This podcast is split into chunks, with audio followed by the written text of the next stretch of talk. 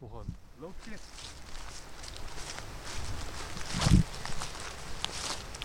Het is een belevenis om eh paddenstoelen te gaan zoeken met eh, Herman Sieben van de Mycologische Vereniging. Jij ziet ze ook overal, hè, Herman? Ja. eh, en na, na, na 42 jaar ontwikkel je ook een zoekbeeld. Ah, dus dan, dan ben je iets makkelijker in het zoeken, denk ik, in het vinden van paddenstoelen dan, eh, dan de gemiddelde leek. Ja. Zeg, we lopen nu door het bos en we vinden een heleboel soorten. Hier vlak voor me zit weer een hele donkere die ik Ja. bijna niet gezien had. Nee, Dat is de een melkzwam.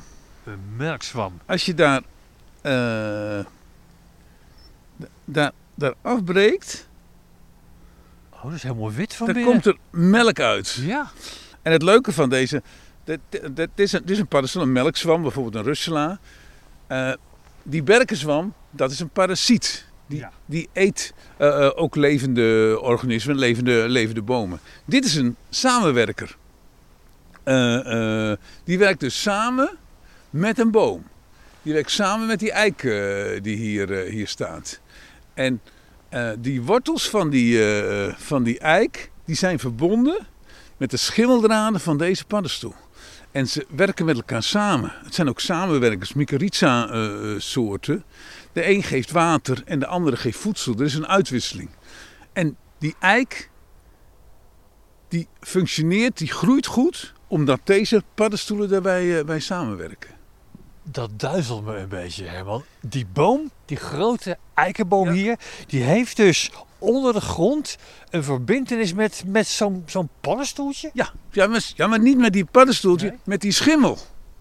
Eh, want die schimmel die zit hier overal van, eh, van deze paddenstoel.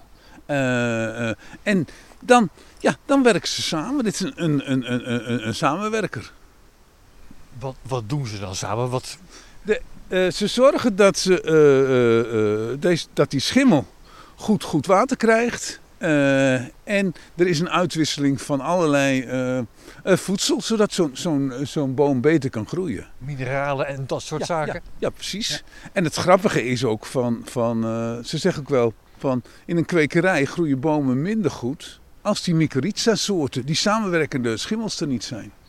De schimmels, waarvan we de paddenstoel alleen maar zien, die bereiden de, de, de, de mineralen, de bouwstoffen voor Ja, de boom voor, ja. zodat de boom ze makkelijk kan opnemen. Ja, ja, er is een uitwisseling. Ja. En, en je ziet ook, als je goed met een microscoop naar die wortels kijkt, dan zie je dat die, dat die schimmels ook helemaal omgroeid zijn door, de, door die wortels. Er is wel theorieën dat door die schimmels een soort communicatie zelfs is tussen verschillende bomen.